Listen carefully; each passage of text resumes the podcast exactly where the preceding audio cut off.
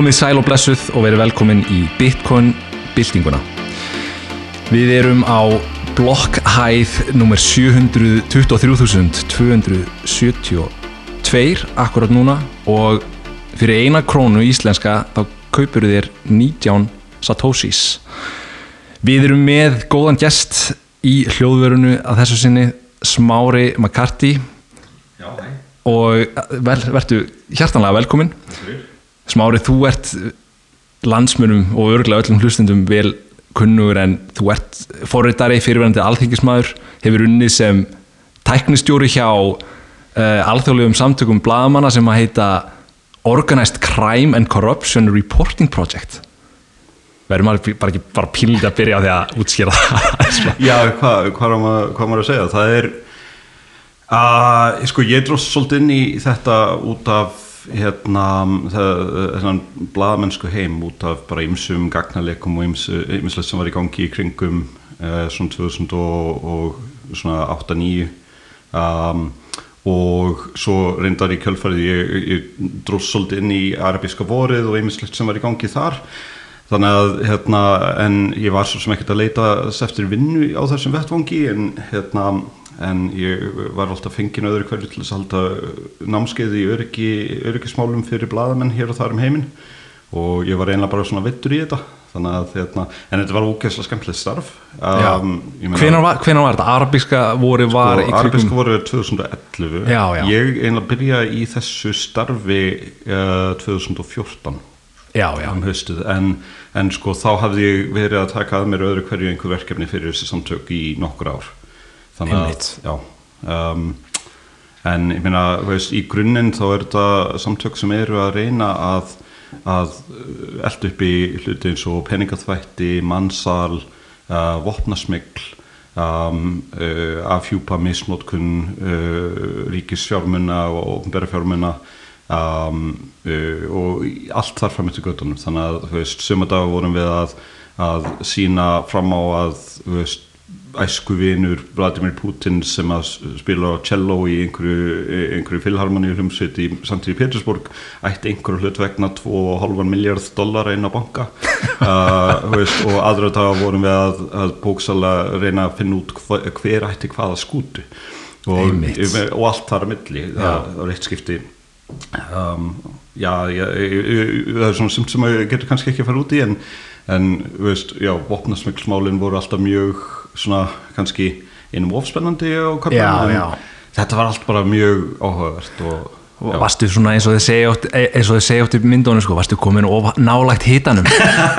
Á einhverjum tímapunkti? Nei, sko, af því ég var í þessu tæknistjórnhlutverki þá var ég uh, einlega bara uh, að satt, búa til sko, tæknilegan stuðning fyrir fólkið sem var að vinna actual erfiðu vinnuna á, á framlýninni um, og það þýtti sko, ég meina, við vorum með infrastruktúrdeild sem held vefsíðanum gangandi en, en síðan vorum við með gagnágreiningadeild uh, að, að bara vinna úr veist, hugum af gögnum sem að uh, eins og maður segir hérna, duttu aftan úr vörubíl svona, veist, mm. bara gögn sem við fengum á ymsum auðsmenni vegu og síðan náttúrulega öryggismálun sem að var veist, þegar að þú ert undir viðstöðulausri árás frá einhverjum uh, aðlum innan til dæmis Rúslands og það er verið að handtaka starfsfólkið reglulega og það er hérna uh, alls konar oknir í gangi. Stundu verið að ráðast á fólk út á götu, stundu verið að stela símum. Og þá náttúrulega sko, þarf að búa til mjög hildstætt öryggis framework fyrir þá vinnu. Einmitt, þannig já. Já, áhugavert.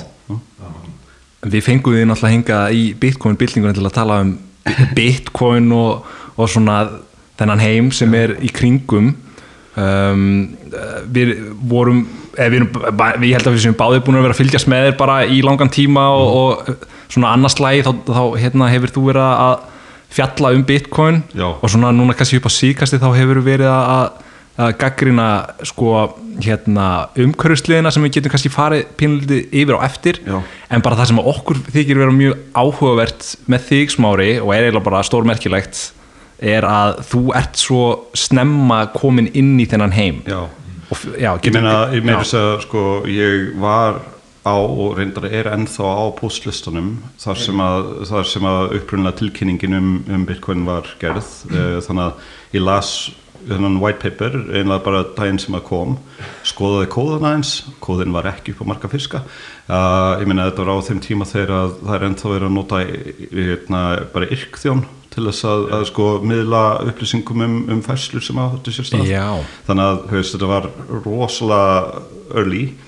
Um, og ég hef bara leita á þetta og það, nei veistu þetta er ekki það áhugavert. Ég meina, hefst, út af að maður verður líka að setja þetta í það samhengi. Ég meina, hefst, David Chaum var að fjalla um svona hluti 1982 veist, og mikið af hugmyndunum veist, hafa leiðið til grundvallar mjög lengi uh, það er vissulega þessi samsetning á, á veist, Merkle-tri og, og, uh, veist, og, uh, og þetta proof of work concept sem að sko gerir þetta að því sem þetta er í dag. En ég meina veist, uh, það muna held ég allir eftir e-gold æðinu í kringum 96-97 einmitt. sem að enda ekkert rosalega vel. Um, og veist, kannski var, var á, á einhvern hátt til batnaðar að í, þá daga það voru bara hreinlega ekkert það margir nota netið þannig að Nei. Hvernig hann að Ég var, er ekki alveg kunnur svona eins og um Eagle Hvernig, hvernig virka það? ég meina þetta var ekkert annað en bara einföld uh, svona, sne, uh, svona early tilraun til þess að búa til rafræðan gjaldmiðil Já. uh, þetta var reikið af fyrirtæki og fyrirtækið í rauninni lofaði að þeir væri með, með gull assets að bak akkurat. Og en sko þetta er það snemma að það er bara nýlega búið að, að sko heimila notkun uh, 3DS eða sko, nei 3DS var gallanir voru komin í ljós á, á 3DS stulkonur reiknurítinu um, já hakkafallinu öllu heldur.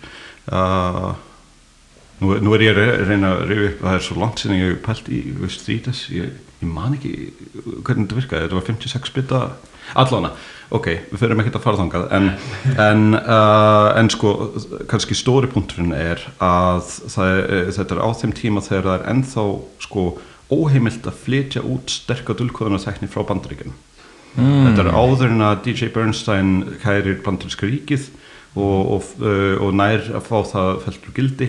Þetta er eftir að um, að hérna, Philip Simon uh, fer með hérna, source kóðan að GPG til uh, á einhverja hakkaráðstöfnu í Hollandi um, sem er by the way í sumar aftur og er ógæslega skemmtileg þannig að en, en sagt, já, þetta er á svona tíma þar sem er svolítið mikið viltra vestri í gangi Einmitt. eins og núna Já. nema munurinn er að það voru færri, hérna, færri að nota netið og bara fullt af svona faktorum sem að gerðu það verkum að þetta, að þetta fjall um sig þannig að Svo þú ert alveg, já, þú, þú ert alveg búin að vera lengi í svona dulkóðunar samfélaginu já, svona eitthvað.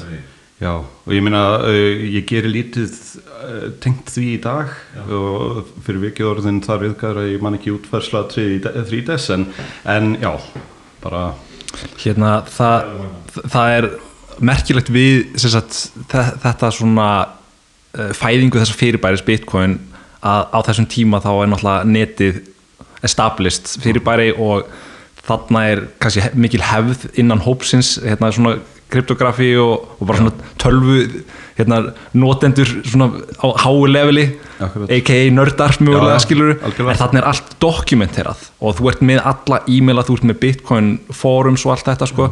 Svona ég er bara að pæla, þegar þú ser þennan e-mail ertu fljótur að afskrifa og bara fara hérna að skoða eitthvað annað eða ertu pínlítið að fylgjast með? Ég bara svona að Ég, pæla meina, í ég, með ég var auðvitað að fylgjast með þessum postlista Já. á þessum tíma kannski fyrst og fremst bara út að þarna voru að koma upp veist, postanir, þarna voru uh, umræður um hugsanlega galla í, í hinum að hinum að þessu aðferðinni. Uh, einhverjum á það búið til collision fyrir eitthvað uh, hakkafall eða, eða veist, á þessum tíma ég man að það var hérna, mikið verið að rífast um það hvaða hvaða tölugrunn átti að nota fyrir hérna, curve uh, dulkóðun. Og veist, fólk hafði mismundi skoðanir á því og veist, var að færa rauk fyrir því á svona starffræðilegum grunni.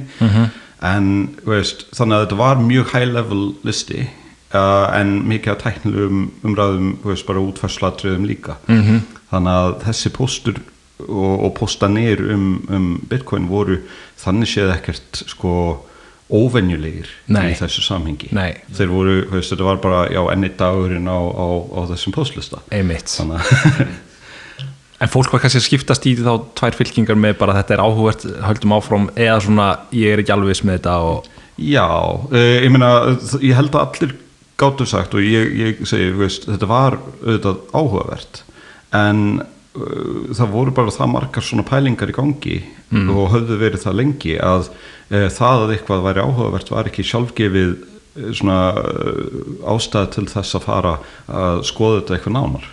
Einmitt. Þannig að Ferðu, en á einhverjum tímum, ferðu þá að skoða þetta nánar? Og svona Já, og ég meina, þú veist, kannski meira sko á síður árum eftir, eftir að þetta fór að verða svona rosalega algengt í veist, sérstaklega í svona skipluðum glæpum og, og meina, sko, veist, úr, úr því að þátturinn ykkar heitir Bitcoin byltingin, þá, þú veist, þá getur maður alveg sagt, jú, það er alveg rétt, þetta er bylting, en þetta er kannski fyrst og fremst bylting í því uh, að gera það auðvelt að pretta peninga af fólki. Þetta er bylting í því að uh, gera peningaþvætti ódýrt og auðvelt.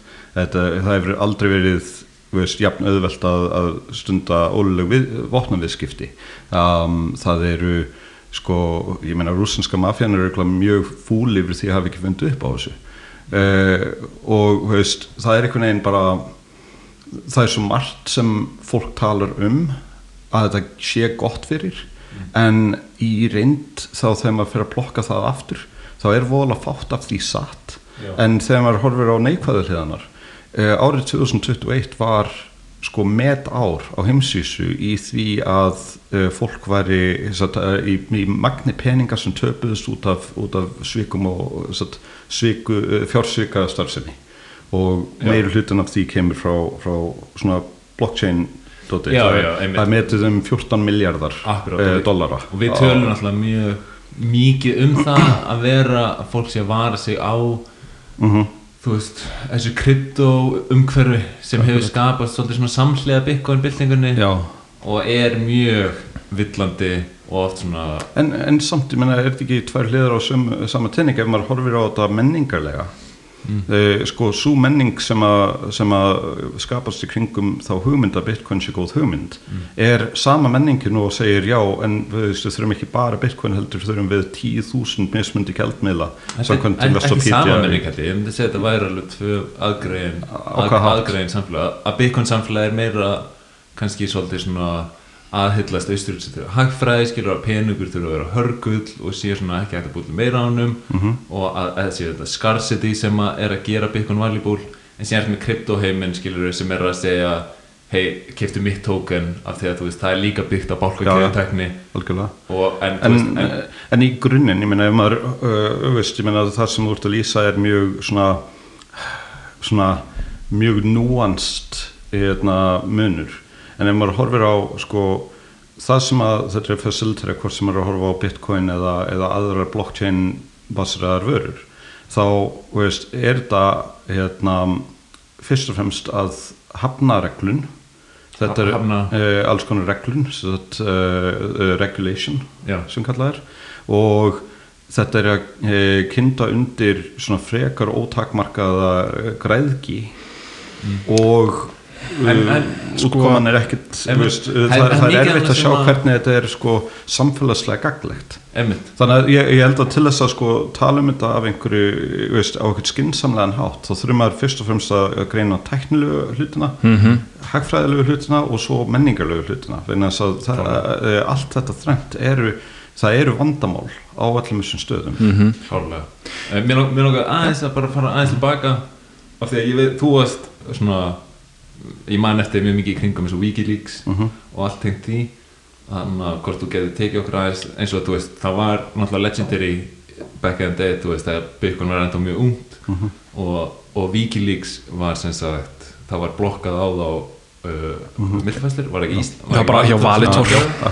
og, hana, og í kjölfari byrja þeirra að taka Bitcoin og og- er svona, þú veist, kvóta eftir Satoshi þar sem hann er að segja, veist, það sé ekkert endla Já. gott að því að sé að setja mikið hita á verkefnið sem er kannski vilja ekki að nákvæmlega. Mannstu svolítið eftir Ég, ég man ekki dítelina, ég veist, ég var mjög lítið involveraður í, í sko einhverjum fjáröflunum og mér þess að þegar þetta gerist er ég lungu hættur að skipta mér að því sem er að gerast þarna. Mm, hjá, hjá þeim samtökum. já. Þannig að, hérna, En þetta er svolítið svona, þú veist, eins og með Bitcoin og með þessa tækni og þú veist, að hann sé erfitt að reytskoðan og skilur og getur náttúrulega ekki stoppað millivæslur Já. þetta, þetta gerir kleift að stunda þetta viðskipti eins og með vopn og þannig en þetta gerir líka kleift fyrir eins og þú veist, mikilvæg verkefni eins og vikilík skilur já, en, en sko á hinbóin það að eitt fyrirtæki á Íslandi og meiri segja sko, horfum við einsagt á það, e, Valdur tapaði málinu. Já, og mjög frægan hátt. E, það var náttúrulega sko, mjög skadlegt að það mál tók það langan tíma veist, sem að gerði að, að leysa súr því. En jú, það er raunveruleg hægt á því að, að satt, fjármálakerfið getur verið nota til þess að uh, rítskoða uh, eða, eða hamla lögmættri starfsemi. Mm. það er alveg virkilega raunverulegt vandamál. En uh, ég er ekki sannfærður um að eina lausnin við því sé að fara yfir í algjörlega óregluvætt umhverfi þar sem er, veist, þetta vildur vestur. Já, og ég segi það með hlýðsjón á því að sko í samfélaginu erum við með einmitt reglur sem í ljós kemur að tryggja rétt fólks til þess að stunda svona Mhm. um, kannski var vandamálið í valdurmálinu ekki síst að það var ekki komin hérna, reynsla á spurningar á þessu tægi að domstólinir hefði þessi mjög hægt. Að lagakerfið var ekki mjög skýrt. Þannig að ok, kannski ættum við að setja bara smá púður í að styrkja domskerfið til þess að geta unni hraðar og laga lagumhverfið klálega, sjáum hvað er í gangi í, í Rússlandi akkurat núna, þeir eru búin að vera bara frá, frá 20. janúar við erum bæði vegi núna, það er 14. februar 20. janúar þá hérna kemur rúsneski sælabankin og segir við þurfum að banna bitcoin og allt bitcoin mining ég held að daginn eftir það kemur fjármálaráðuneytið í Rússlandi og segir nei, við viljum reguleira það og daginn eftir það kemur Putin og segir sína skoðun og hann vil líka reguleira það sko. og svo bara er þetta búið að vera núna hverjum einasta degi að koma nýjar fréttir um hvernig þeir eru fljótir að bara tækla Já, þennan heim sko. en náttúrulega uh, Rússland er alveg áhugavert sko case en ég er ekki við sem að sé gott dæmi um, um það sem er í gangi varðandi spurningar um reglun. Af því að það er svo margt annað í gangi innan, eh, innanlandsar um, Já, já, sko, það, það hvað minna, veist, við sjáum hernar uppbyggingu allstæðar í kringum Úkrænu mm Mhm.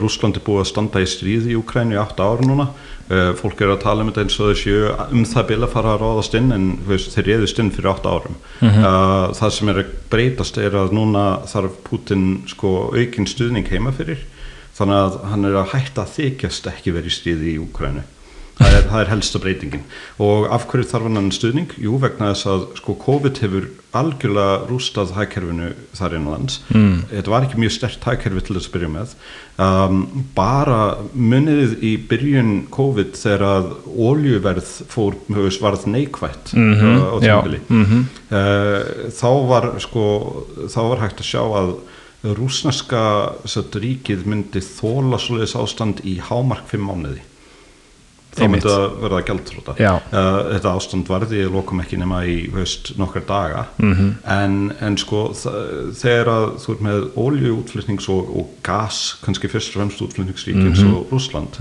sem er með svona veikar efnaðslegar stóðir á öðru leiti og þeir eru einhvern veginn sko, veist, þetta er rekið af de facto mafíu þetta land.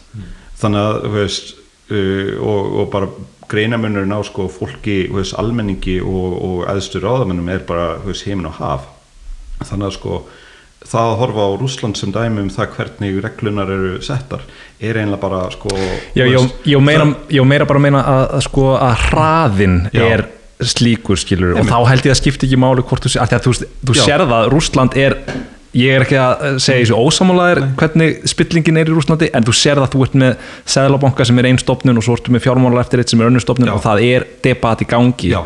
En ég meina að þetta debatt er líka búið í gangi hér. Eh, Já. Ég meina sko það þegar er ég- gott, það Þegar ég var inn á þinginu þá var ég stundum að reyna að, að bara svona, veist, setja aðeins bremsu á varðandi sko, veist, þegar voru að koma inn að tillögur að, að reglusetningu til dæmis varðandi sko, skilgrinningu á, á cryptocurrencies sem eða cryptoassets öllu heldur uh, sem uh, veist, Sýndarfé, í, í, já, í hérna varandi peningaþvætti og, og þannig. Já, já, já. Um, og sko veist, ég, ég var bara, já við þurfum að hafa þessi reglur Mhm. en getum við gert þetta allavega almennilega? Vegna þess að veist, það enda á því að það var uh, víða í lögunum uh, talað um sko uh, hvað wallet talað um veski eða wallet en á hvergi skilgreint hvað það er. Einmitt. Og fyrir vikið þá gæti þetta þessi skilgreining orðið til þess að, að hamla einhverju lögmætri nótkun síðar. Þannig að ég veist, ég var að reyna að veist, hafa einhvers konar lógist utanumhaldum já, en var það ekki tekið vel Ekkert í það eða? en það hlýtur að Það var sko- vera breyttur tími núna það er aðeins, Nei, þetta er fyrir hvað, tveim, þreim árum. Þetta er ekki nema 2-3 ár, já.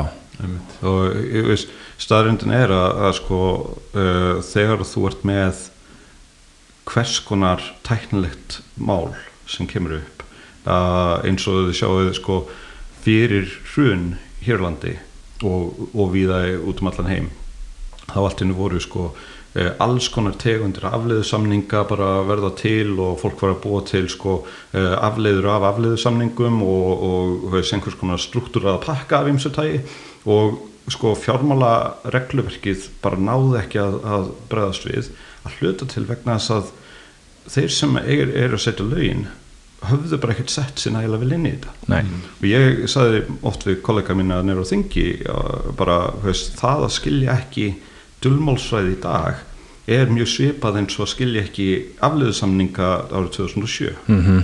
veist, þið verðið bara að- að setja ykkur inn í þetta til þess að geta e, átta ykkur á þeim eh, hættulegu hlutum sem eru að koma Einmitt, Einmitt. manni finnst oft eins og þú veist skilningur bæði ráðamanna og, og stjórnumanna eins og bara þetta sælbangstjóra sé mjög grunnur þegar kemur að bitcoin þeir eru svona valla búin að lesa eina fréttakræðin upp á skilningin að gera hvað þú veist, hvað en, þetta er en sko, ef þú lest eina fréttagrein um, um veist, blockchain eða cryptoassets hvaða grein á það að vera? Vegna þess að þær eru allar ótrúlega bæjasaðar það er alveg rétt. Og uh, þær eru bæjasaðar sko, annars vegar það er bara ótrúlega mikið af einhverju svona pro uh, blockchain dóti í gangi þar sem eru verið að halda fram hlutum sem að standast ekki neina skoðun. Algjörlega. En veist, og síðan er hinliðin er veist, svolítið að, að benda á hættunar og svoleiðis en oft faraðu bara með rangt málvarðandi það þú veist, hvað nákvæmlega vandamál er. já,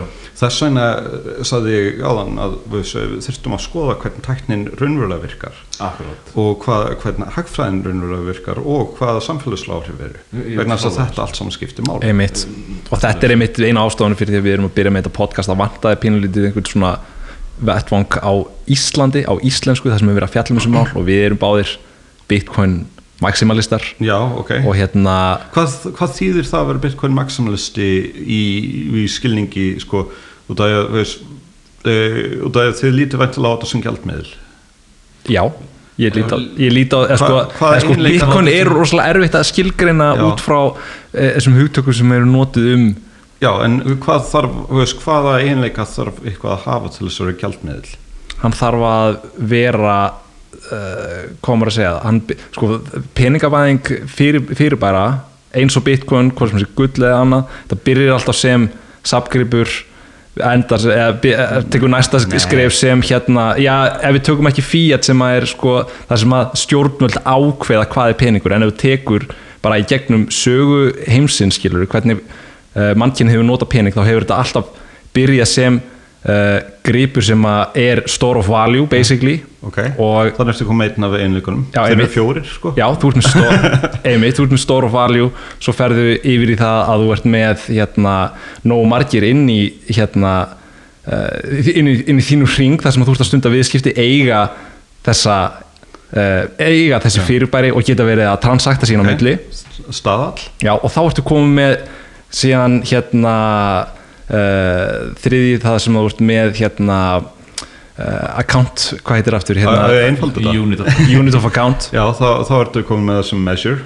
Einmitt, So that, uh, það það er ta- talað um oft sko money is a matter of factors for uh, uh, a medium, a measure, a standard, a store. Mm. right? einmitt.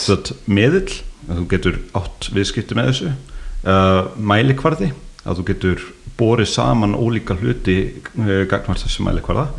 Uh, staðall, að Mhm. þetta sé eitthvað sem fólk er sammála um og síðan store í, í þetta, geimsla fyrir verðmæti. Um, Bitcoin uppfyllir tvent af þessu í besta falli. Akkur sér það? Uh, vegna þess að sko, uh, þetta er klárlega store value. Það vísum mjög hérna, flög, flögtandi store value. Uh, en það þú veist, og meira þess að sko, það mikið flögtandi að, að sko, já, uh, þú þarft að svolítið að, að vera hérna annarkvort velefnaður eða, eða pínu nött til þess að taka þetta veðmál. Ekki síst vegna þess að þetta er ekki bara veðmál á hagkerfið og, og markaðin, heldur þetta líka veðmál á það hvort að SHA-256 reiknirítið muni verða satt, stabilt satt, það hefur nú, það hefur nú samt verið talað um að ef að það myndi einhver tíma verið krakkað sem sagt, dulmáls hérna, já, kóðin ef að ég get kallað sem slíkan að maður- þetta, þetta er hackafall hashing já, að það sé hægt að hérna, uh, hakka sig veist, í gegnum hann skiluru, en þá segir Satoshi á ein, ein, einu tímapunkti að ég held að ef að þetta myndi gerast þá myndum við hérna, við geta á, á einhverjum tímapunkti finna út hvenar kerfið feilaði og í raun og veru uh, hard eða ég held að sé hardforkaða það inn í einhvern með þá na- annan hérna dulmáls Ég- kóða. y- yfir í annað já, sem er þá set. 200 200 512 er Já, af vísu ef 256 brotnar þá er mjög líklegt að 52 brotni. Þetta er uh, En þú veist hvað þarf samt til að 256 bróni Það er Ok, náttúrulega, þú veist sko, Er það ekki bara quantum computing? Ekkert endilega. Ég meina sko ef þú horfir á MD5 sem var mikið notaður uh, á undan SHA-256 og uh, þá sko uh, hann er álitin brotin í dag af því það er, það er búið að finna leiðir til þess að búið til collision. Það er að segja ef að þú segir mér uh, hérna, þú bjóst til þetta hash value út frá einhverjum gögnum þá get ég búið til einhver önnur gögn sem búið til sama hash value án þess að vita hvaða gögn þú varst með. Uh, og því auðveldra sem er að gera þetta því auðveldra getur þú brotið kerfið. Okay. um, og sko SHA-256 er ennþá bara álitun frekar solid. Það hafa verið einhverjir veikleikar uh, en þeir veikleikar hafa bara ekkert skipt miklu máli svo far. En ég meina SHA-1 sem er forveri uh, hann er svona álitið það er ekki, það er ekki mælt með nótkun hans í dag.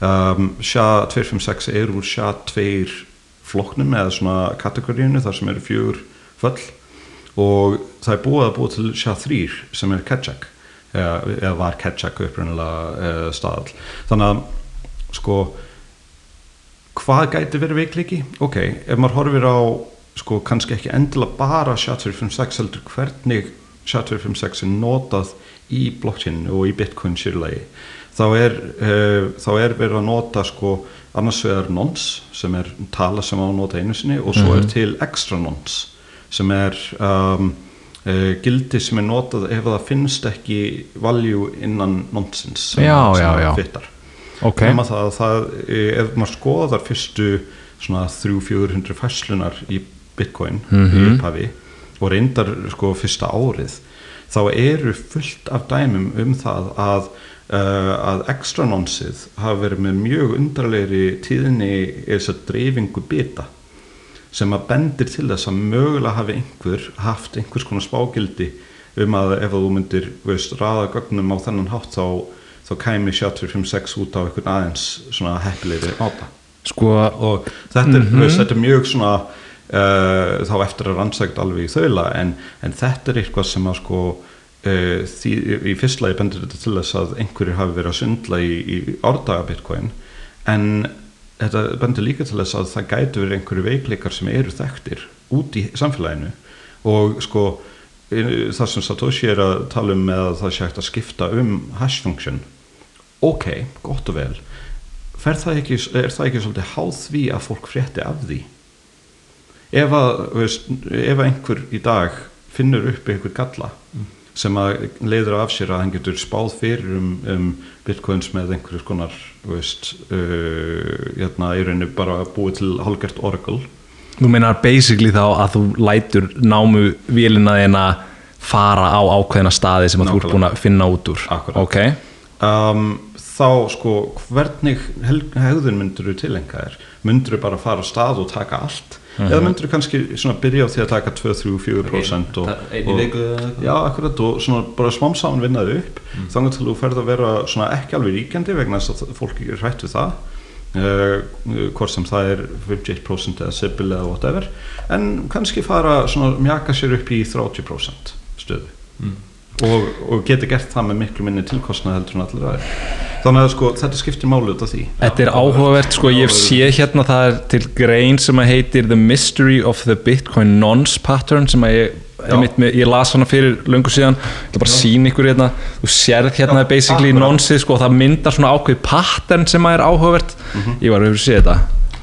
Þetta er svona, þetta er hérna nonce pattern sem að Já. myndast og það er aldrei svona, ég held að ef að mér minnir þá er útgangs, útgangspunkturinn á þessari grein þannig að þetta sé mystería sko Mhm. en uh, ég veit ekki hvort þú setja í að því að þetta sé eitthvað sem að gæti verið búin að, að hérna þetta gæti verið til mark sem að einhver hafi um, hafi fundið e, eitthvað trikk og þú sér það sko þetta pattern hættir eiga sér stað um sama leiti og fyrstu hérna ASIC eða GPU hérna, miners koma inn Já.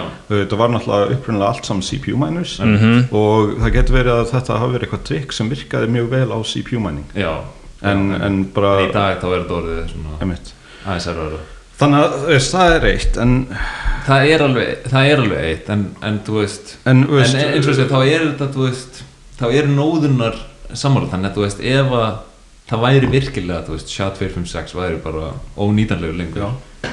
þá er hægt samt að uppfæra kerfið já, í betri, til, Mögulega. í betri tilkomin og, og þetta kannski er ágætis dæmi um það að annað af fyrirbærunum sem að var, er alltaf sagt um, um blockchain sé ekki satt sem er uh, að sko það er talað um að sé ekki hægt að breyta fortíðinni og sé ekki hægt að, að sko veist, jú það er alveg hægt. Það er Það- er kostnæður samt Já, og við, við sjáum það til dæmis með Ethereum versus Ethereum Classic. Já. að þarna voru einhverjir tiltrúlega valda miklir og áhrifa miklir menn sem töpuðu peningum á því að skrifa heimskulegt forrið og þá allt í hennu bara átti allt peningakerfið eins og það lagði sig að, að breytast breyta eðlisinu til Einmitt. þess að þóknast þeirra og er náttúrulega bara eitt Þannig besta argumentið á móti bara í Ethereum. Að, Já. að, að þetta er ekki dreifstýrt kerfi Nei, en nei, Bitcoin er það heldur ekki.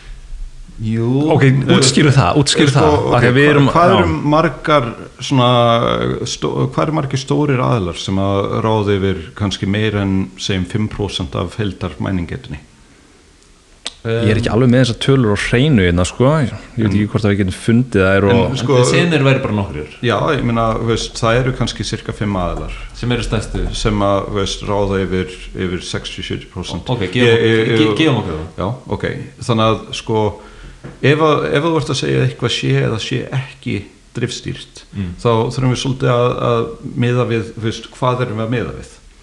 E, erum við að miða við til dæmis bankakerfið en þess að sko bara á Íslandi erum við með fjóra banka. Þetta er púlinn sko. Já, akkurat. Þannig að Já, en, er, en púlin eru samt ekki það Ekki- er, er þetta að segja púlin Einmitt, af því að þú já. veist, það getur hver sem er bara opta out of svona corrupt pool já, já, Að- að- á á hverju sinni skilur en þarna sjáum við samt sko, þú veist, örfá aðla í raunni en þetta er bara púlinn Já, sko. og það eru þetta kannski, þú veist, kannski eitt, tveir aðlar á bakvið sum púl og önnur púl eru kannski þú veist, þúsundir. En það geta allir opta út úr púl ef, það- er, þú veist, corrupt skilur en, en, en, en segjum að væri en, en, pointið er engu að síður sko, þú veist, þegar við erum að horfa á þetta og ég meina, hvað er þetta veist, ef við köllum hvert púl eitt banka einhvers konar ígildi þá, þá erum við að tala um að það eru færri aðlar þarna heldur en eru veist, til dæmis bankar í Evrópu. Já, en, en þessir púl hafa engin, þú veist, enga stjórn. Þeir eru bara eiginlega ekki, ekki bankanir heldur. En samt vill, vill bitcoin fólk alltaf meina að Nei. bankakerfið sé einhvern veginn rosalega sko, uh, hérna, miðstýrt Já, nei, það er að sælabankakerfi sé svona rosalega mistið en Se- af því að þeir eh, hafa sko- stjórn á að því að gefa út peninga. Já, en, en, ok. en, en það eru fara út í- 180 seðlabankar á heimsvísu, hvað eru þetta margir aðalar þarna?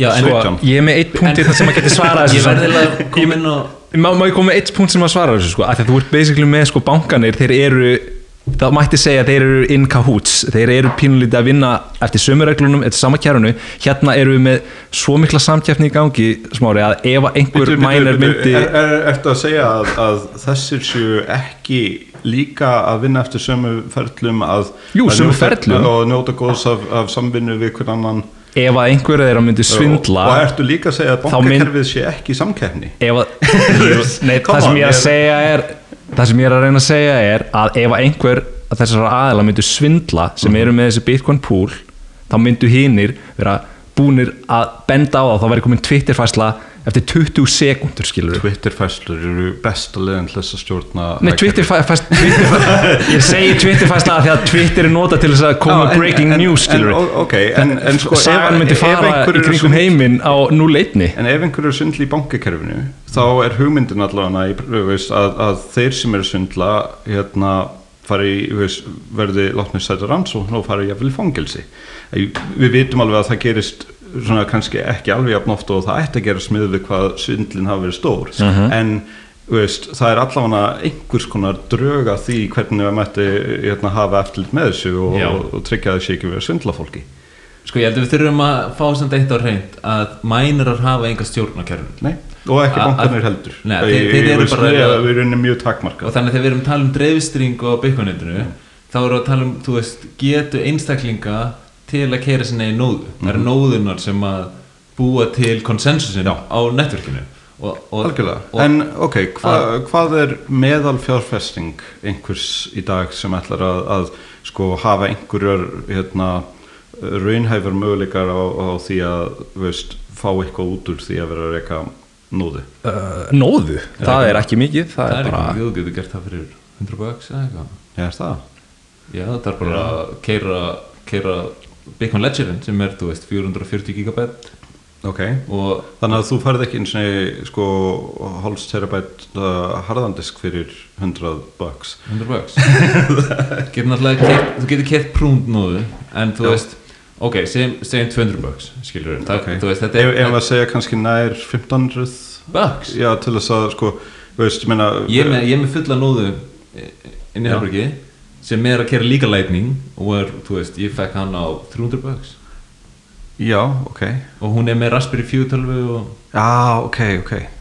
Þú veist, það er bara með Raspberry 4 Já. harddisk og, og er að kera lightning nóðu og, og Bitcoin Core nóðu. Og, og þessi kostnæður er sko going exponentially niður bara Já. með tækni þannig að það, það er mjög ég- ég veist- en, en þú veist sjáðu samt bara ok, seg, segjum 400 bucks skilur, það er samt bara 400 bucks sem ég, og þá er ég sjálfur að validata networkið og er að validata sjálfur millumfæslunum mínar sem einstaklingur einhver sem ég þú veist og er að framfylgja þeim reglum um að séu bara 21 miljón og að gera enginn búið til meira. En þegar við erum að tala um miðstyringu eins og í veist, líkt á skilur það er engin leið fyrir mig þótt ég eigi sparnað í dollarum þótt ég eigi, þú veist, 100 dólarinn á bankabók það er engin leið fyrir mig að stoppa sælabankan frá því að prenta út Ok. triljónur og triljónur Já, ok, fair enough um, Ég, ég veldi samt fyrir mig hvort að þetta sé næg réttlæting á, þú veist, fyrir þessi kerfi okay. vegna þess að, þú veist í fyrst lagi, það, það er ekki eins og það að, að það sé verið að prenta miljónir eða triljónir dollara sé að hafa einhverju neikvæð áhrif á þitt sparifí, er það? er það ekki? Verðbólga er í 40 Sko- ára hámarki Já, í bandaríkjunum en veist, hva, hvernig er verðbólgan eða verð hjöðnunin að hafa neikvæð áhrif á, á fólk í, í Bitcoin umhverfinu? Að fólk sem seldi, uh, seldi kannski smávegis út veist, eh, ba- basically eina, eina strategían sem virkar og þetta kemur aftur á því hver skilgreiningin er á, á gjaldmiðli. Eina strategían sem virkar er að sapna og sapna og, og eða aldrei neinu.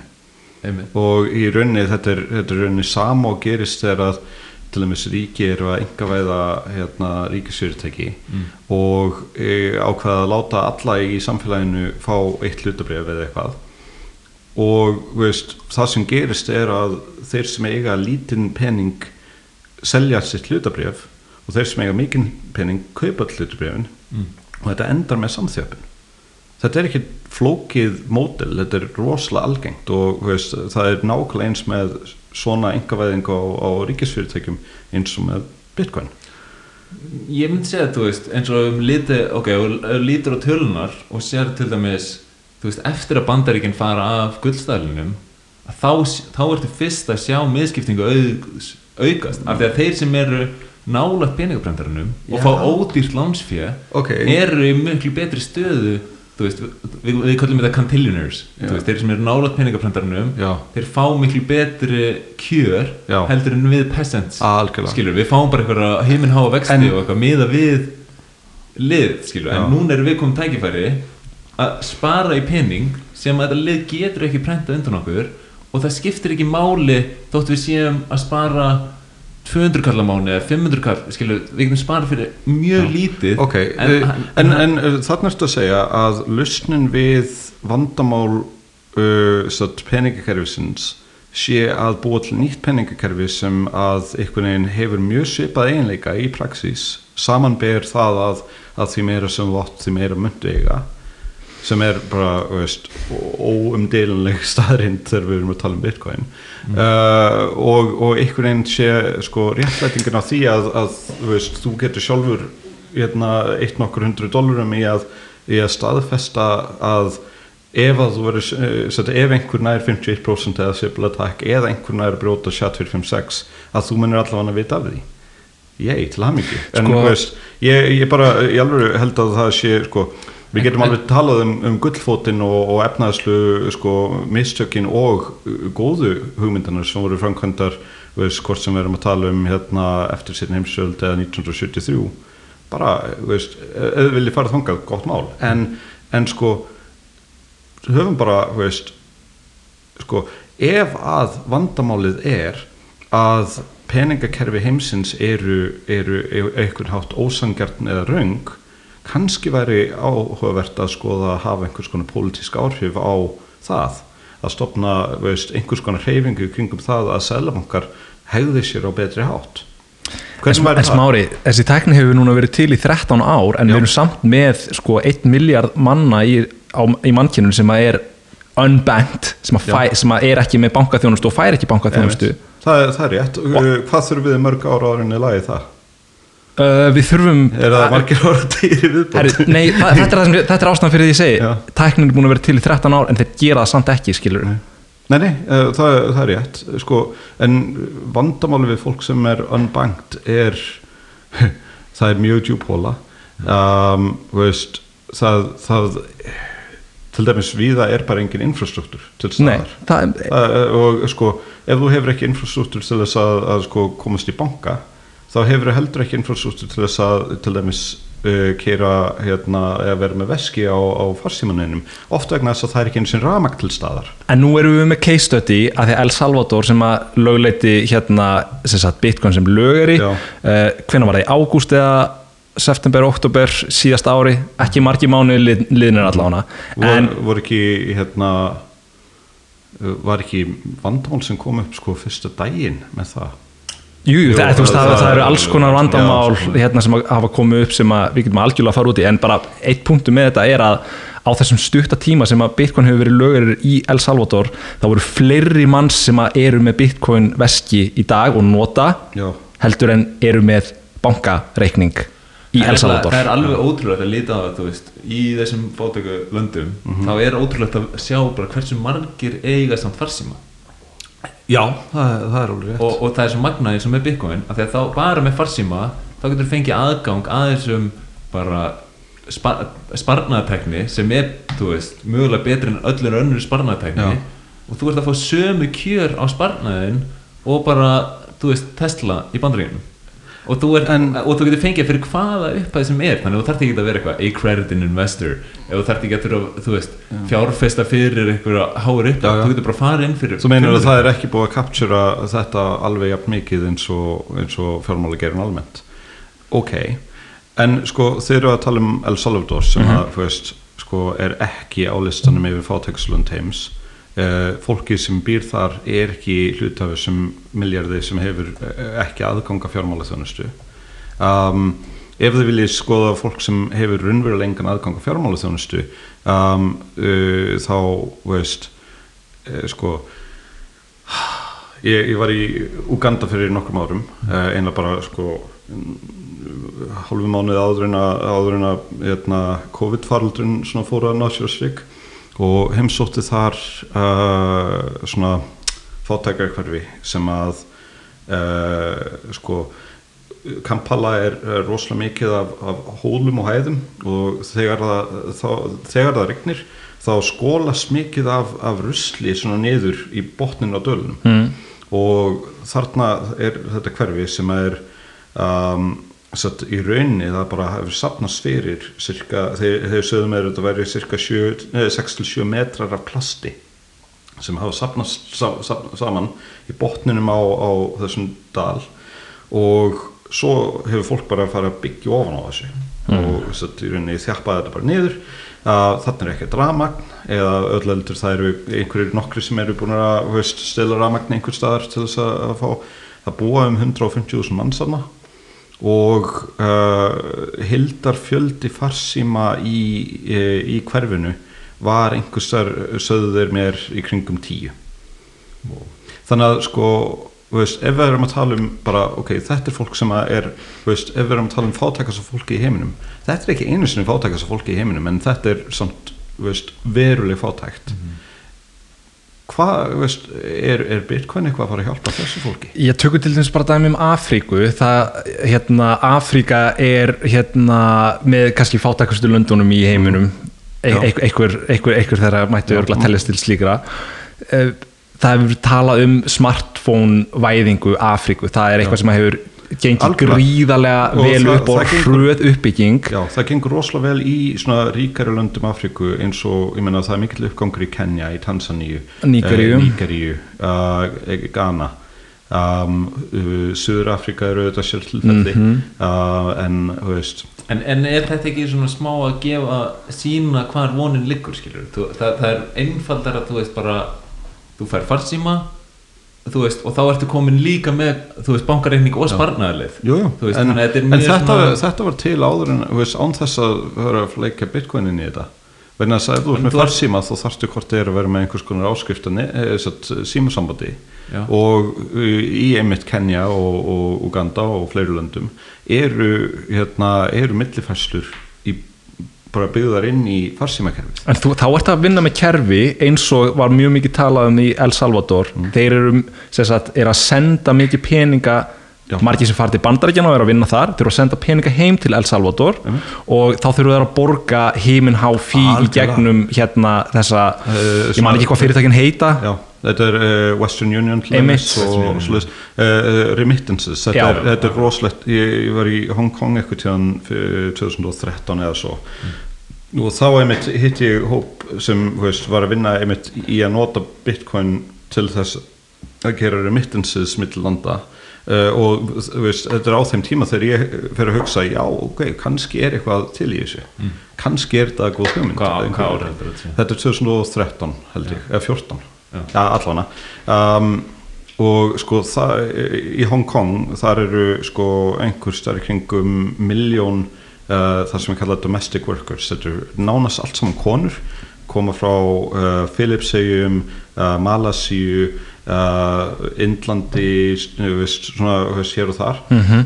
en allt saman fátækjurlönd og fara veist, og eru bara basically í húsreyður fyrst og fremst mm -hmm. og eru að gæta barna og, og bara halda heimlum hreinum nema vinna sjö dag í viku eru held ég að jafnaði með halvan dag frían og um, og eru að fá peninga og eru að senda sko 70% af peningunum heim og Western Union eða, eða veist, IBAN kerfið eða Swift eða whatever eru að taka kannski veist, fast gjald uh, pluss 3% mm -hmm. og þarna var, voru þau að segja já, heyrðu, við getum notað bitcoin og þá getum við lækka gjaldið um, um eitthvað x nema í rauninni sko með við volatility á þeim tíma mm. þá sko þá virkaði þetta svo lengi sem að fyrirtækið var nógu stort til þess að hedja gegn, gegn allir þessu. Og svo höfum í huga þetta er veist, uh, þessi domestic workers eru yfirleitt ekki með farsíma. Uh, eru yfirleitt ekki með sko, veist uh, það er alls konar vandamál sem eru til staðar. Um, Uh, en þetta er, sko, þetta er alls ekki þetta eru engir auðmingar hérna, það var ógæslátt töff ég fór uh, og sjá, sá hérna, þar sem að sko, einhverjir 20.000 domestic workers koma saman mm. -hmm. í viku og reka sitt eigið bókasafn út í einhverjum almenningskarði Veist, það, þetta er, er sniðut fólk sem er að gera öflaga hluti en, en þau hafa bara ekkert aðgang að þessu tæknindilega þannig að auðvitað var þessi þetta fyrirtækjan á milli sem var að veita þessu þjónustu og jújú jú, þau voru að keppa við Western Union en þau voru aldrei að fara að veita allra, allra legsta verði sem þau gæti bóðið upp á. Ekki síst vegna þess að þau þurftu alltaf að tryggja sig fyrir volatility í Bitcoin transactions. Hefur þið séð hvernig er stræk gerir þetta?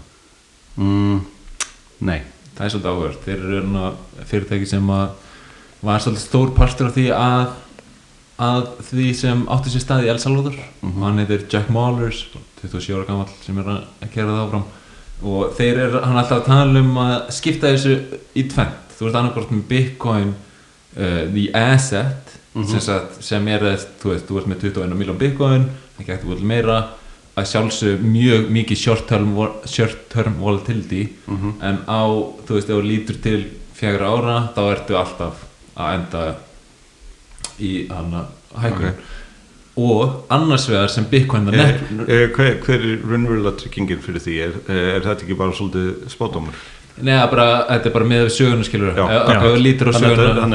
það er ekki hægt að horfa á þetta til framtíða það Nei. er alveg hárrétt hjá Já. þér en þetta er bara svona Já, út frá já, nei, kenningum um já, hérna, nei, sko, já. horfir til fjóra ára þá er Bitcoin sama hvenur lítur, þá ertu upp Já, þú veist, ef þú ert tilbúin að wait out the volatility Mhm. þá er, þú veist, verðist hún alltaf að vera to the upside. Ok. En annars við erum að horfa á það sem Bitcoin the network, skilur við Mhm. og að- sem þetta network þar sem þú getur verið að stunda remittance.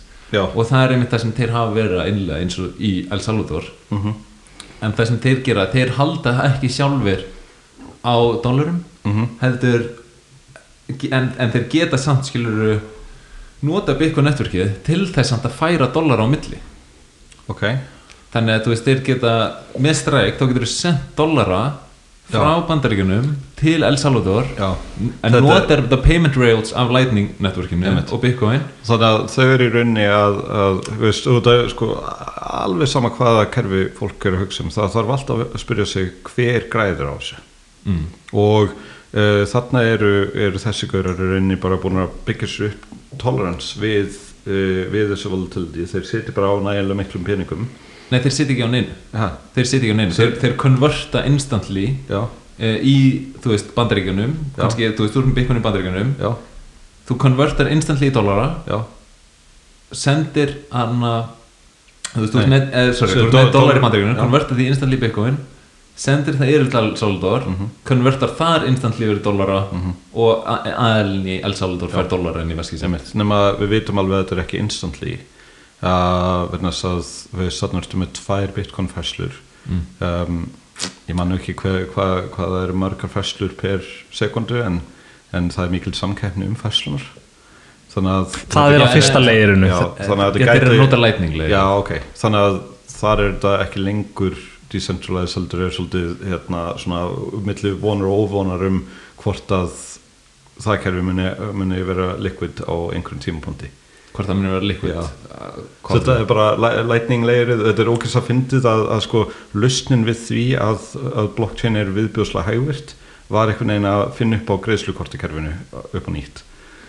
Ég held að hafi, veist, eins og þú horfður á byggunkerfið þú veist, þá hafi alltaf staðið til að byggja upp ný aðra leira ofan á Já. kerfið, af því að þú veist, þú sér að bálkanir á tímyndum Já. þannig að það meikar aldrei sens að fara út í búð með Bitcoin kórveskið nei, nei. og ætla að kaupa kaffi og, og meiri svo sko, af því að, þú veist, Já, og í gamla daga þá var þetta þess að ennþá klikkar vegna þess að sko, veist, uh, bara stærðin á, uh, á gögnum að hver, veist, uh, þá, sko, fæslunar gátu svo hratt orðið massíft stórar Stórar, í geimslubrossi. Þannig að og orðnar það dýrar í, í já. en að því þú en, ert að en byrja af því að þú veist af því að þetta er, þetta er þú veist hægt en það er Ég- af ástæði skil það er til að auka öryggið. Nei, nei, þetta er hægt vegna þess að þetta er, þetta byggir á því að eða brjálaðisleira orku í að sanna eitthvað sem að þú gætir.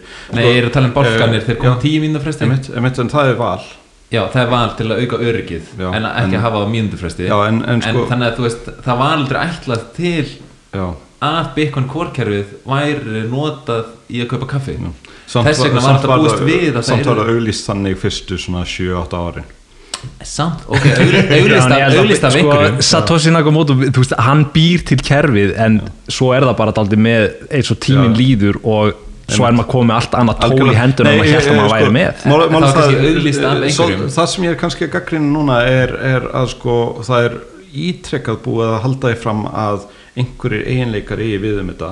Og svo hefur komið í ljós að, að sko annarkvort er það bara ekki satt eða þá það þarf að byggja einhvers konar rettingu ofan á eins og lightning er til þess að þetta En geti það er bara eins og interneti við það. sjálft það er bara eins og interneti sjálft smári ég meina Já. það er bara að Já, hafa á hvernig interneti var búið til bara háskóla kerfi hérna sem að bara við erum En- að en deila á milli svo er allt í hennu komið Facebook og hérna Já, Twitter en- eftir en sko, fjóra ártví veist, ef við erum að tala um internetið TCP/IP, það, þannig er tveir staðlar sem að virka ennþá þokkala vel þrátt fyrir að vera Einmitt. veist, Já, en síðan kemur 50 ára gamlir.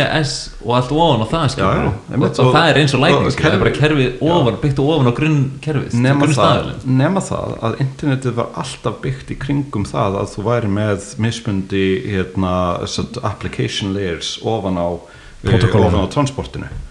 Það, veist, það hefur verið bara frá degi eitt á meðan að sko sagan í blockchain umræðinu og bitcoin umræðinu hefur alltaf verið nei þetta gerir þetta, svo kemur ljós nei heyrðu, þetta gerir ekki alveg þetta en við erum með reddingu hérna en það þú er beauty það er beauty við decentralized protocol eins og Bitcoin af því að það skiptir ekki máli hvað ég segi það skiptir ekki máli hvað Nei. þú segir eða Satoshi segir Já. kerfið er óstjórnandi að þessu leitinu til Já. og það gerir bara það sem og, og allt í góðu að já, ég hef bara áhyggjur af öllu fólkinu sem lendur á milli ef þú horfir á sko, fólk milli 20 og 30 í satt, eh, Evrópu þá sko á árinu 2021 þá voru, voru meðal satt, uh, það er satt, meðal skamstærð upp á 3200 dólar eða svo.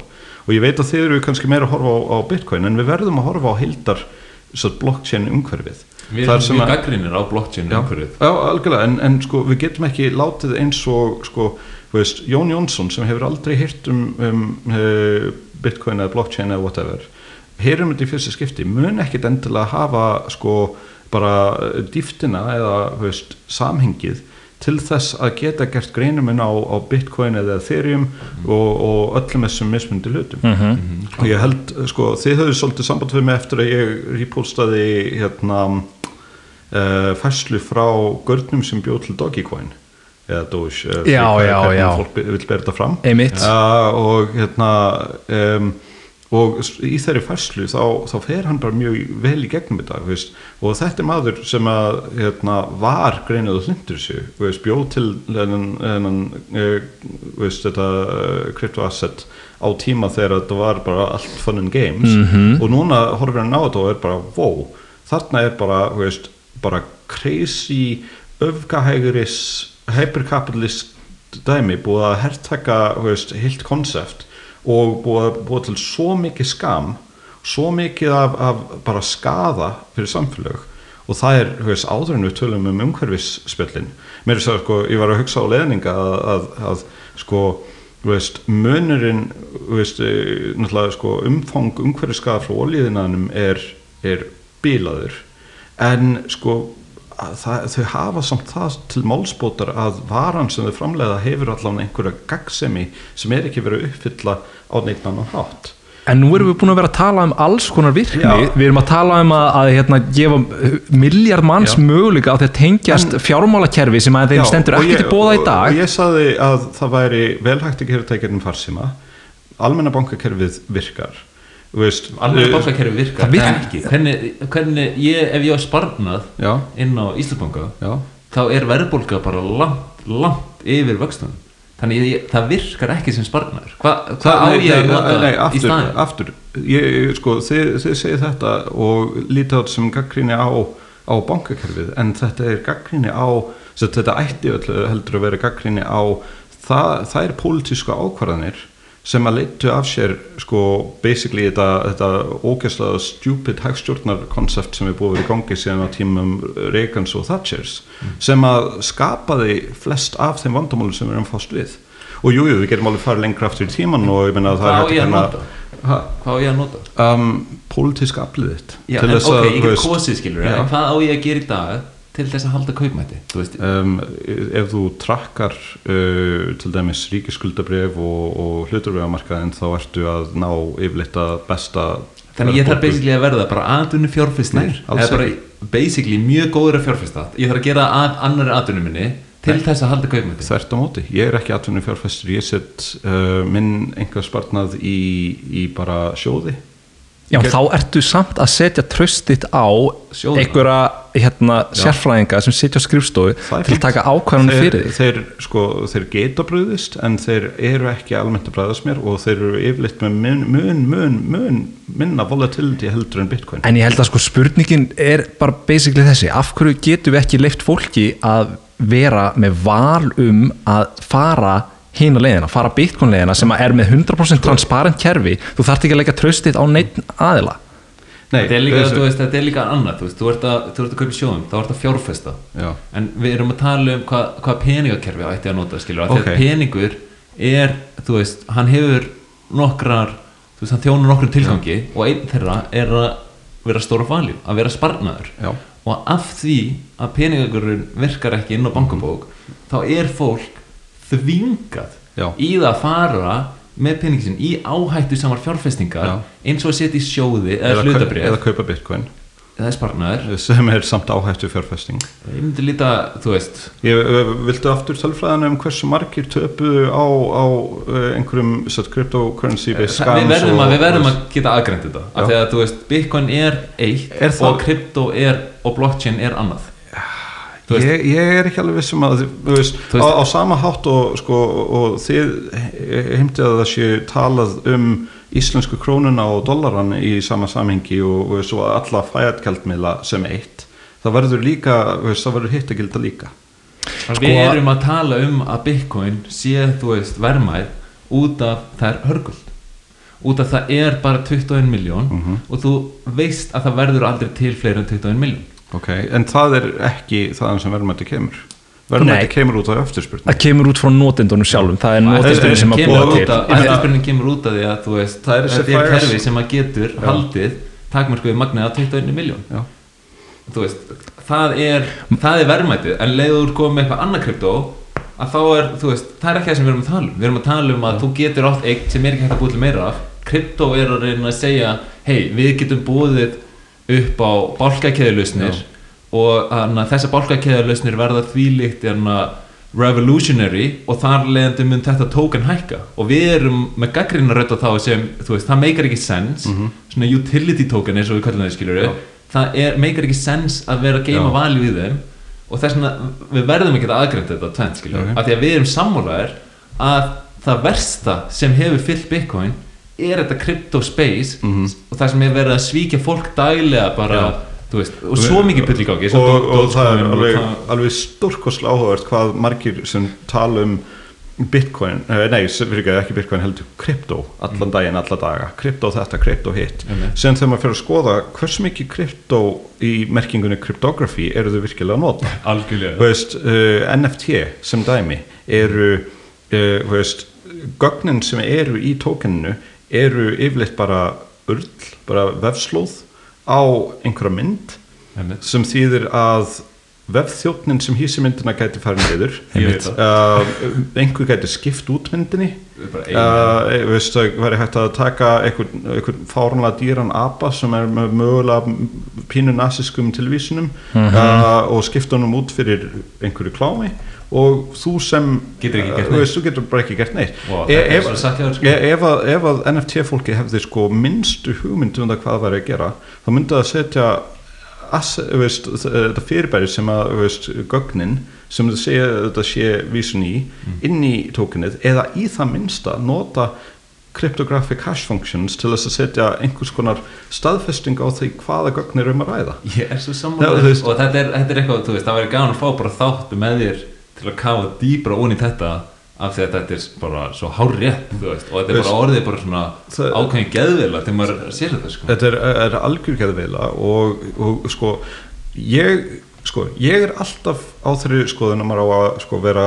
opinn fyrir nýri tækni og vera til í að sjá hluti þróast. Jafnvel er maður ekki vissum viss að það sé gaglegt mm. þess vegna sko, þangað til nýlega þá var ég alltaf reyndi alltaf að vera opinn fyrir því að, allt þetta bitcoin og blockchain dot gæti verið gaglegt ástæðan fyrir því er orðin svona svolítið meira í, í sko anstæðingahóknum er vegna þess að ég horfi upp á veist, miljardar dollara uh, að hverfa til einhverju svikara ég horfi á aukningu í peningaþvætti ég horfi á aukningu í, í vopnaspikli og mannsali Smári, að Smári, ég er með- að tölur- með þetta Já.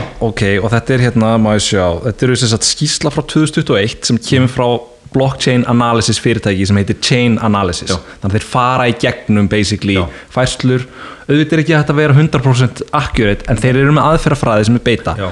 skýslan segir að árið 2019 hafi criminal activity uh, represented 2.1% of all cryptocurrency transactions volume. Já. roughly 21.4 billion worth of transfers. Og býtu, og svo hérna bara til samanburðar að þetta var í þæ, þættinum hjá hérna, Má Wolfgang inn, til samanburðar og fór ég inn á heimasíðu saminuð þjóðana inn á hérna, vefsíðu, hérna, um money laundering og þar segja þeir the estimated amount of money laundered globally in one year is 2 to 5% of global GDP Já, akkurat. Já, já, al- algjörlega, ég, ég er ekkert að vera fengið þetta.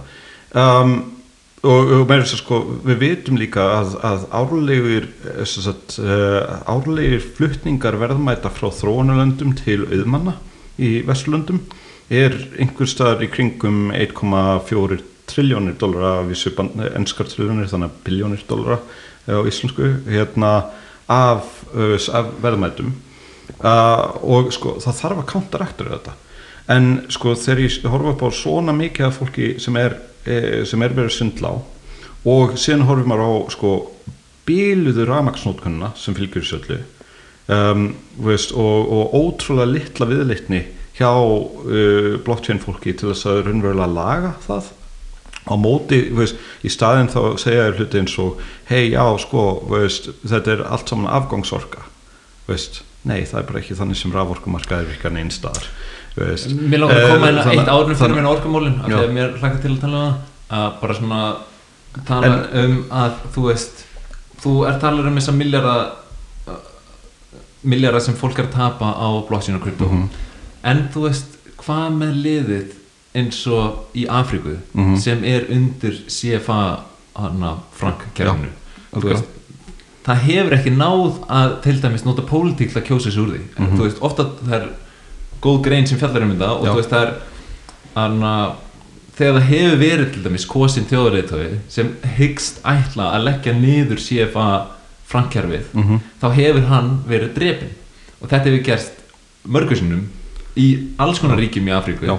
Og þú veist, það hefur verið rík saga því að, að þjóðarleitói sem hyggjast ætla að taka niður þetta kerfi eru tekni niður og þeir sem hyggjast ætla að standa með þessu hafa verið, virðast vera svona styrtir til dæmis af, af Fraklandi og þetta kerfi er notað til að basically bara, þetta er algjör er það. og, og bara alveg hræðilegt. Þú veist hvaða, þeir ná ekki kjó, þeir ná ekki notað pólitík til að kjósa þessu úr þessu þú veist. Þeir, af hverju er Bitcoin ekki góð tækni sem þeir geta nýtt til þess að byggja upp nýtt peningakerfi þar sem þeir eru ekki háðir og, og eru ekki þvingaðir að nota þetta ósangjarna kerfi eins og CFA Frank verið þeirra sko, og, og, ok. og, eitt yfirbót Já. bara svona af hverju er menn eins og þú og þú veist fleiri sem eru svona ótrúlega gaggrinir á eins og Bitcoin ekki já, gaggrinir á eins og CFA Frank Ó, jú, veistu ég, ég sko hérna, þó, veist, ég er náttúrulega í þessum þætti að tala um Bitcoin vegna þess að það er umræðefnið Mm. ef, veist, ég er alveg til að sko gaggrína hérna, bankakerfið bara, þú veist, hvort sem það er á Íslandi eða á heimsvísu. Ég tala um efnaðslega stjórn, þú veist, efnaðslega valda struktúruna á heimsvísu. Ég er alveg til í það. Um, þú veist, við getum talað um það hvað það er búið að, koma í veg fyrir alls konar tilraunir til til svona fjármála endurskiplækningar og, og uppbyggingu alls konar stuðningskerfa í Afríku, í sum löndum uh, Asju og, og víðar uh, í gegnum árin. Þú veist hvað, hvernig það hefur verið bara stundaður efnaðslugur kolonialismi bara mjög víða. Já já, við getum talað um þetta allt saman og ég er alveg gaggrinn á þetta. Mm. uh, munurinn er að, veist ég bara var ekki hérna, ég held að það var ekki umræðinni dagsins. Nei, en, bara- en sko, ég, ég gaggrinni þetta mjög mikið og það er alveg ástæða til vegna þess að sko, eins og segi 1,4 biljón dólarar á ári af, af fjármhaus af auðflutningum frá fátæksríkjum heims til ríkasta fólks heims. Þetta er ekki, þetta er ekki eitthvað tala sem ég skaldað upp, þetta er vel skjálfest og, og, og vel rannsakað við þurfum að koma veg fyrir þetta. Það sem að ángra mig er að það er snjált fólk eins og þið eruð að sko að reyða ykkur á kerfi sem að byggir á mjög svona hæp, hæpnum fullurðingum um það hvernig peningakerfi eiga virka uh, reyða sig á tækni sem gæti klikkað og er að auki að valda gigantískum umhverfiskada með því að brenna fullt af olju og kólum og hvaðina út um allan heim í staðin fyrir það að nota það, þá þekkingu sem þið hafið í að leysa þetta vandamál. Þetta er, ok, fair point. Eigum að fara pínlítið inn í hérna umhverfis umræðina af því að þetta er alveg eitthvað sem að þú veist, auðvitað er hérna mengun og hérna sóun ekki góð Nei. en ég held að þar dálítið sko skilur á milli við, hvernig við lítum á þetta. Og svona bara ef ég má fá að lesa upp bara smá staðirindir um orkunótkun og bitcoin orkunótkun um heimum til að gefa fólki samhengi. ok. við erum basically með 170.000 teravatstundir af orku framleitar ári. Á heimsvísi á heimsvísu. Okay. og orkunótkun bitcoin í dag hún bara ángríns frá því í fyrra dag þá er hún í hæstu hæðum. Hún er all time high hash rate mm -hmm. og við erum að horfa á út frá þess að það er til hérna stofnum sem heitir Cambridge Bitcoin eða, Cambridge University í raun og veru og þeir eru með þess að Cambridge Bitcoin Electricity Consumption Index sem að er tól sem að er svona það besta sem að fólk er að nota hvort sem sért með á móti. Þetta á til dæmis notað í, í hérna, hatursgrein Bitcoin af New York Times þannig að veist þetta er svona það sem að menn eru að líta á. Um, orkunótum í Bitcoin í dag er ekki nema 125 teravött sagt á ári. Hund, 125 terava, eh, nei, 125 terawatt stundir Já, stundir, sem sagt, einmitt, á ári. Já. ok, hvað sagður heildin væri? 170.000 já. Þannig að ef við deilum því þannig já, de- de- þá er ég er búin að finna þessa tölurinn sko, þetta eru sem sagt 0,07% af árs heildar orkunótkun í heiminum ég get sínt þið bara hérna þú veist er að hérna, þe- þessar tölur eru sagt, þú getur fundið þær inn á þessar síðu hérna. nei, þetta, þetta, þetta passar.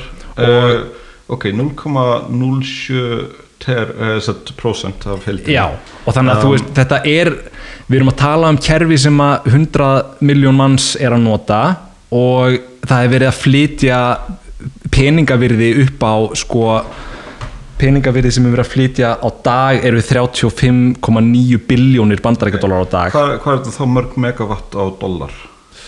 Ég, ég myndi þurfa að, að hérna, reikna það út en Eða- það er líka Ég eitt sem að ég með þeim sem þú segir skilur að ein anna one bitcoin transaction uses 741 kilowatt hours Já. of energy. Nákvæmlega. Uh, 100,000 visa transactions take 149 kilowatt hours Já. of energy visa seems inefficient bitcoin absolutely outrageous. Já, það er rétt. Mér finnst mjög og, og ég, ég, veist, ég man ekki nákvæmlega hvað, hvaða tölur ég notaði til grundfalla þessu en svona, þú veist, maður er ekki endilega frábæri í hugreikningi en mér finnst þetta flúta cirka við, og, veist, þannig að sko þú veist, Um, ef við erum að ég- tala um aðeins- næst, næstum því eina megawattstund fyrir hverja millifærslu. Ok, en tökum aðeins He- heila megawattstund. Já, ok. í alvöru, þú veist, Bróðum við aðeins niður af því að þú veist af hverju er mænir að mæna bólka hann er að mæna hann fyrir rewardin sem er í bolkan Mhm. og rewardin samanstendur af bitcoinunum Mhm. og plus transaction fees. Já, bitcoinin sem eru mænuð þau eru ennþá til og eru þú veist Mhm. notuð af fólki og fólk metur þessi bitcoin mikils. Um, það er til samlíking sem er, er svolítið skemmtileg og lýsandi. Þú ert með gull ofn í jörðinni. Mm. right, sem er búið að vera ofn í jörðinni í sko, veist, miljardar ára. Mm uh, og veist, hafa allavega í hugum fólks einhvers konar verðmæti ofan í jörðinni. Síðan er veist, ákveður einhver að fara og grafa gulli upp úr jörðinni og setja það í geimslu sem er yfirleitt í ofan í einhverjum kjallara og borga sín manni fyrir að standa fyrir utan uh, hurðina þar með byssu. Mhm. og sko þegar við erum að tala um verðmæti gulls þá þarf maður að, að hafa í huga að hluti af verðmætinu er eh, verðið er að taka tillit til þess hvað það kostar að, að, ver, að verja það. Algjörlega. Og þegar við erum að horfa á, á Bitcoin þá verðum við að taka með í reikningin að þú veist, kostnaðurinn við alla þessa raforku sem þarf til þess að viðhalda verðmætunum er innbyggt inn í verðinu þú veist, og, og allur umhverfiskaðin sem fylgir því er líka innbyggður inn í verðinu Mm. Þannig að sko Sko umhverfi skaði er eitt og orkunótkun er annað Já. ef þú ber til dæmis saman umhverfi skaðan við að mæna gull þar sem þú þart sko Já. díselolju, þú þart arsenik og hérna, ég veit ekki hvað til að ég, ég er ekki að þetta gullið Nei, en Bitcoin er temmilega hreitn yðnaður að þessu leitinu til að þú ert raun og veru bara með tölfur inn í skúr sem að mæna þú tengir að við hérna, uh, internetið, tengir að við ramagn og svo bara keira Ok. þær í gang. Nema það að í flestum löndum er megni af rafmagninu búið til með því að, að brenna kól eða olju eða, eða gas? Já sko nú er meiri hluti hérna Bitcoin mining flutti yfir til bandarækjana eftir að hérna Eftir Kína bannaði. 45% af hérna mining hashing power fór niður þar sem að þeir voru vissulega að nota kól hluta af þeir tímabili sem að þeir notu eiginlega mest sko vassaps orku, þeir bönnuðu þetta. Nú fer þetta til bandarækjana Já. og, og töl bandaríkinn nota líka kól í, Já, þeir gera það en sko það, við- 70% af allir raforku En smári minn, smári, býtu, þú þarf að, sko, það þarf að bera saman, þú getur tekið hvað sem er, þú getur tekið uh, YouTube notkun skilur, hversu mikil kól fara í það, Já. hversu mikil kól fara í, í Bitcoin menn, nú eru öll spjótin á Bitcoin Já. og það er til hérna sem sagt Bitcoin Mining Council sem er eitthvað svona samtök bandarískar mænera, þeir gefa út tölur. alþjóðlega mennur Er það alþjóðleira? Ok, allavega, En- tölur frá sko- því segja að 45% af öllu hérna, mæning sem á sér stað. Ég man ekki hvort að það er hérna, umhverfisvænt eða óumhverfisvænt en þú ert allavega með svona 50-50 Já. cirka sem að er umhverfisvænt og ekki umhverfisvænt ef þú tekur kól og, og þannig að sko, ok mögulega ættum við þá að eiga þetta samtal aftur þegar þetta er komið upp í 100% af hverju? en uh, vegna, vegna þess að sko í fyrst lagi, YouTube er ekki að nota 0,07% af allir raforku heimsins. Eru, sko, við erum með sko, ég skal telja upp það er, yðnaði það er alveg magnað Ég ætla að hvað tel- eins og YouTube tekur upp mikið af Já, ég, meina, ég veit að líka- YouTube tekur upp ógeðslega mikið hluta er er heldar bandvit þetta er alltaf heimsins tekið svona, þú veist, ok Bitcoin á heimsvísu notar svona miklu orku og miðum það saman við Svíþjóð. Já. og þá er ég mikið við Svíþjóð eitthvað. En- en- en þú en, er en að- sama að- hvað þú tekur þú getur tekið YouTube Já. og þá er notar það meira en Svíþjóð. Já, þú getur ok. tekið, þú veist, þú getur tekið þurrkara. Þú, þú getur tekið skilur all, Jólaljós. hérna- jólaljós á hverju ári nota Já. meiri orku en Svíþjóð.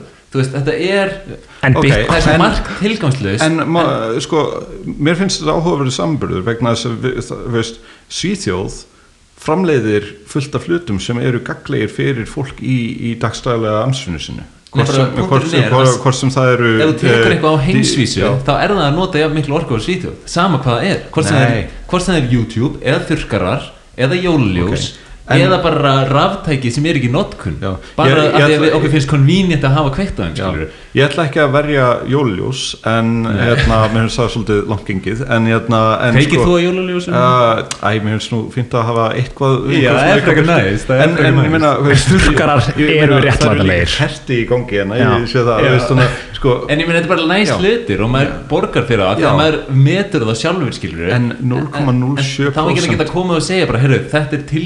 orka Já. á, þetta tilgangsleis eðsla orku, jóluljósiðin þú átt ekki mega að nota þetta ef þú finnur notið því þá er það nóg mikil réttlæting, ekki það? kannski uh, en, en sko ef að veist, ok Svíþjóð framleiðir fullt af hlutum sem eru valuable en ok, það er alveg rétt að einhverjum finnst Bitcoin vera valuable það er alveg, þú veist, ótvírætt þess vegna er fólk að borga svo mikið fyrir þetta ok, en gaggrinn kannski kemur frekar út frá því að sko það er verið að segja hérna er kerfi sem að eyðir þú veist, þetta mörgum hérna, þetta, þetta mikill orku næstum því megawatt fyrir hverja færslu. Me- megawattstund fyrir hverja færslu. En, en ekki bara fyrir hverja fæslu, þetta er líka fyrir Bitcoin já, sjálf já, sem kom en, út en, borðinu en sko fyrir þann sem er að nota bitcoin þá er aðalvaljúið í því að geta fært valjú á milli. Nei, það er að geta fært Já, valjú inn í tíma með því að halda því ok, þetta er að geima það, ok.